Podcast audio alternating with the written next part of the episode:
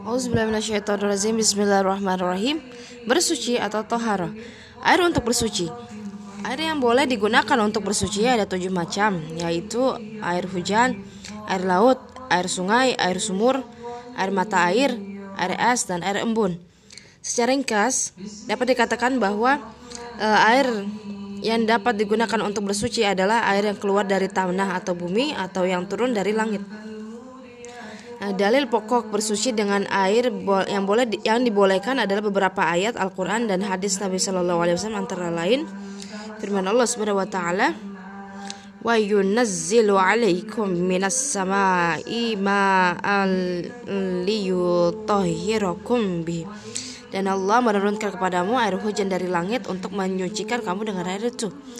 Surah Al-Anfal ayat 11. Hadis Nabi Shallallahu alaihi wasallam yang diriwayatkan oleh Abu Hurairah radhiyallahu anhu berikut sa'ala rajulun Nabi sallallahu alaihi wasallam faqala ya Rasulullah ya Rasulullah inna narkabul bahra wa nahl wa nahmilu ma'anal qalila min min alma fa in tawadda'na bihi anish atish na afan afanatawaddau bima il bahri. Faqala. Rasulullah sallallahu alaihi wasallam huwa tahuru ma'uhu al-hillu maitatuhu.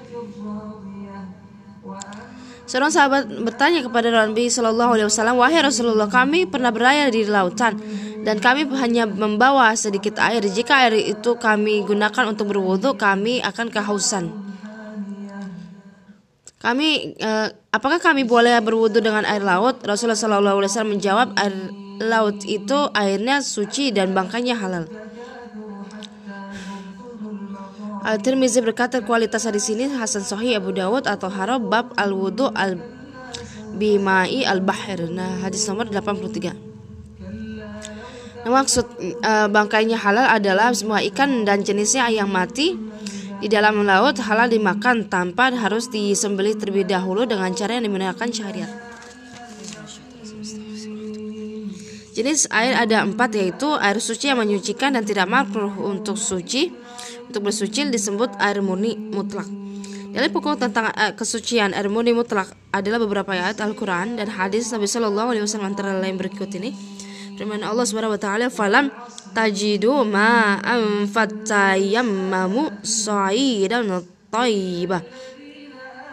Maka jika kamu tidak menemukan air, bertayamumlah dengan tebu yang baik atau suci. Uh, surah Al-Maidah ayat 6.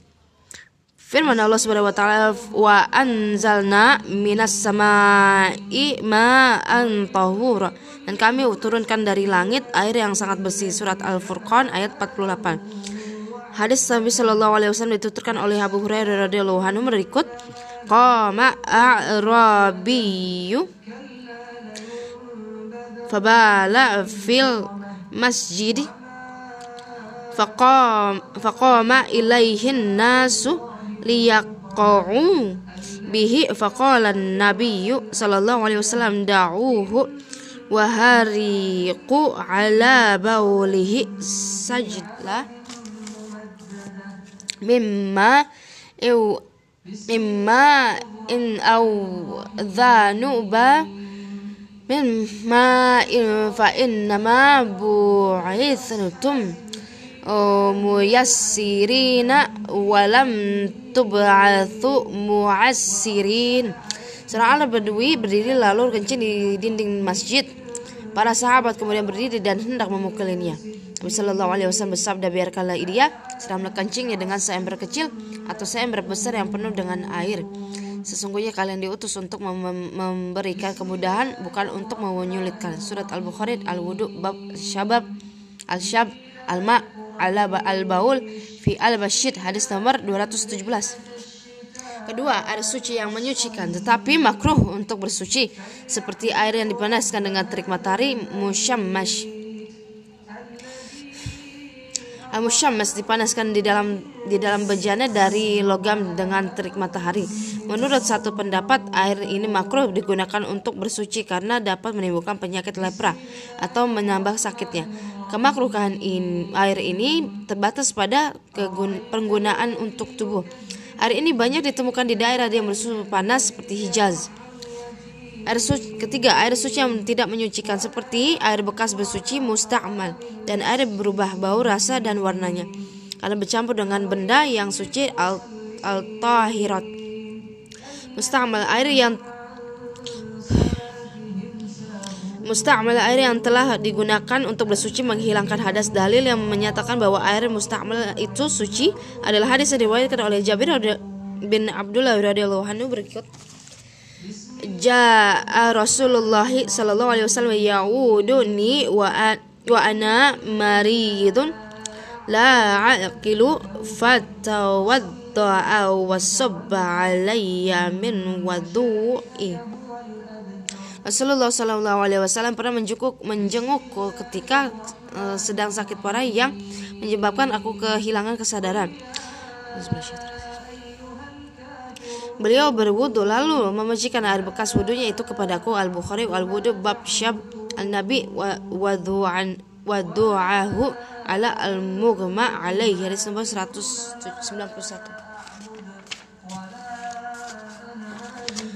Dalam hadis tersebut dijelaskan bahwa air yang digunakan oleh Nabi Shallallahu Alaihi Wasallam untuk mengusap Jabir adalah air bekas wudhunya. Sekiranya air tersebut tidak suci, saya beliau tidak akan menggunakannya. Adapun dalil yang menyatakan bahwa air musta'mal tidak menyucikan adalah hadis yang diriwayatkan oleh Abu Hurairah radhiyallahu anhu bahwa Nabi Shallallahu alaihi wasallam bersabda, "La yagtasil ahadukum fi fi al-ma'id daimi wa huwa junub." Faqalu ya Abu Hurairah, "Kaifa yaf'al?" qala yatana waluhu wula janganlah seseorang jangan seorang dari kalian mandi di dalam air yang menggenar mengenang tidak mengalir sedangkan ia dalam keadaan jumud Orang-orang bertanya kepada Abu Hurairah, "Mengapa demikian, wahai Abu Hurairah?" Abu Hurairah menjawab, "Air itu telah menggunakannya untuk bersuci mustamal sehingga tidak menyugikan lagi. Sumber Muslim atau Harab bab al-nahi an al ikhtisal fi fi al ma al raqid hadis nomor 283. Maksud hadis di atas ialah mandi dengan cara merendam di dalam air yang mengendang akan menghilangkan kesucian air. Sekiranya tidak menghilangkan kesucian maka Nabi Shallallahu Alaihi Wasallam tidak melarangnya. Ketentuan ini berlaku untuk air yang sedikit tidak mencapai dua kulah atau 190 liter. Hukum berwudu dengan air sedikit yang mengenang tidak boleh. Disamakan dengan hukum mandi junub. Sedangkan keduanya bertujuan sama dengan menghilangkan hadas atau hira ya, ya, yaitu semua benda suci yang secara umum dapat menyatu larut dalam air yang tidak bisa dipisahkan ketika telah bercampur seperti minyak wangi seperti minyak wangi, air garam sejenisnya. Air yang telah bercampur dengan benda suci tersebut tidak dapat mencikan karena keadaannya telah berubah menjadi sesuatu yang bukan air atau murni. Keempat, air najis yaitu air yang terkena najis dan kurang dari dua kulah atau kulah atau sebanyak dua kulah tetapi berubah bau, rasa dan warnanya.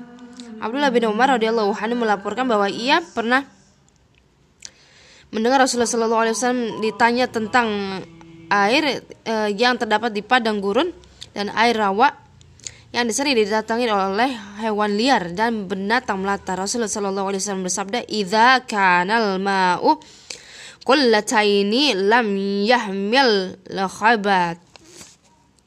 Apabila air itu mencapai dua kulah, ia tidak mengandung kotoran. Dalam redaksi Abu Dawud, fa innahu la. Sesungguhnya air itu tidak najis. Abu Daud Al-Tohar bab ma yanjusu al-ma hadis nomor 6563. Makna hadis di atas ialah apabila air di padang gurun itu kurang dari dua kula, ia menjadi najis meskipun tidak berubah bau, rasa dan warnanya.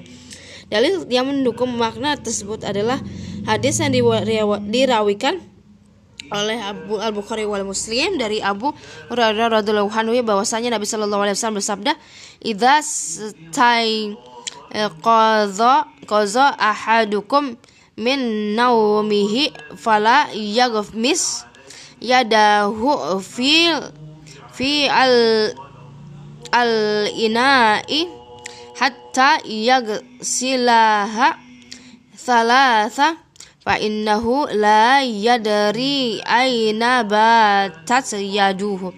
Jika seseorang dari kalian bangun tidur janganlah ia mencelupkan tangannya ke dalam bejana berisi air sebelum ia mencucinya tiga kali sebab sesungguhnya ia tidak mengetahui ke mana saja eh, tangannya bergerak semalaman redaksi hadis dari Muslim Al Bukhari wal Wudu bab al Istijmar Witran hadis nomor 160.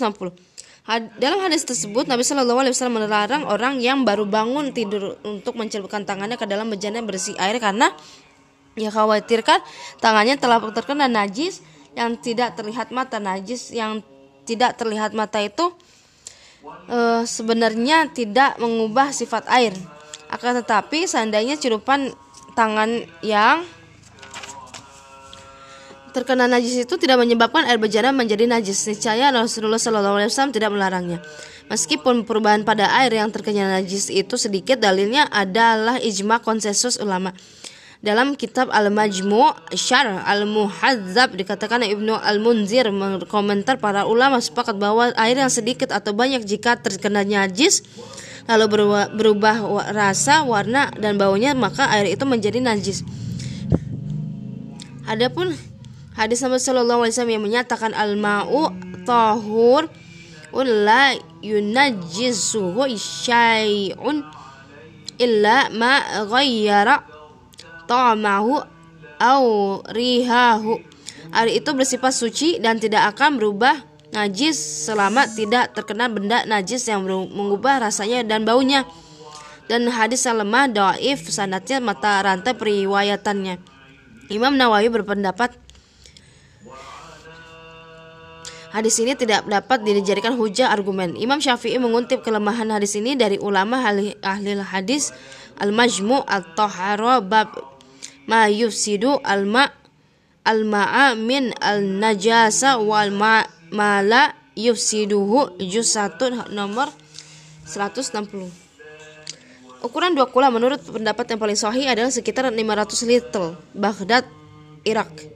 Ukuran tersebut setara dengan 190 liter air atau volume air yang di dalam kubus yang tiap pan, yang tiap yang panjang tiap sisinya 58 cm.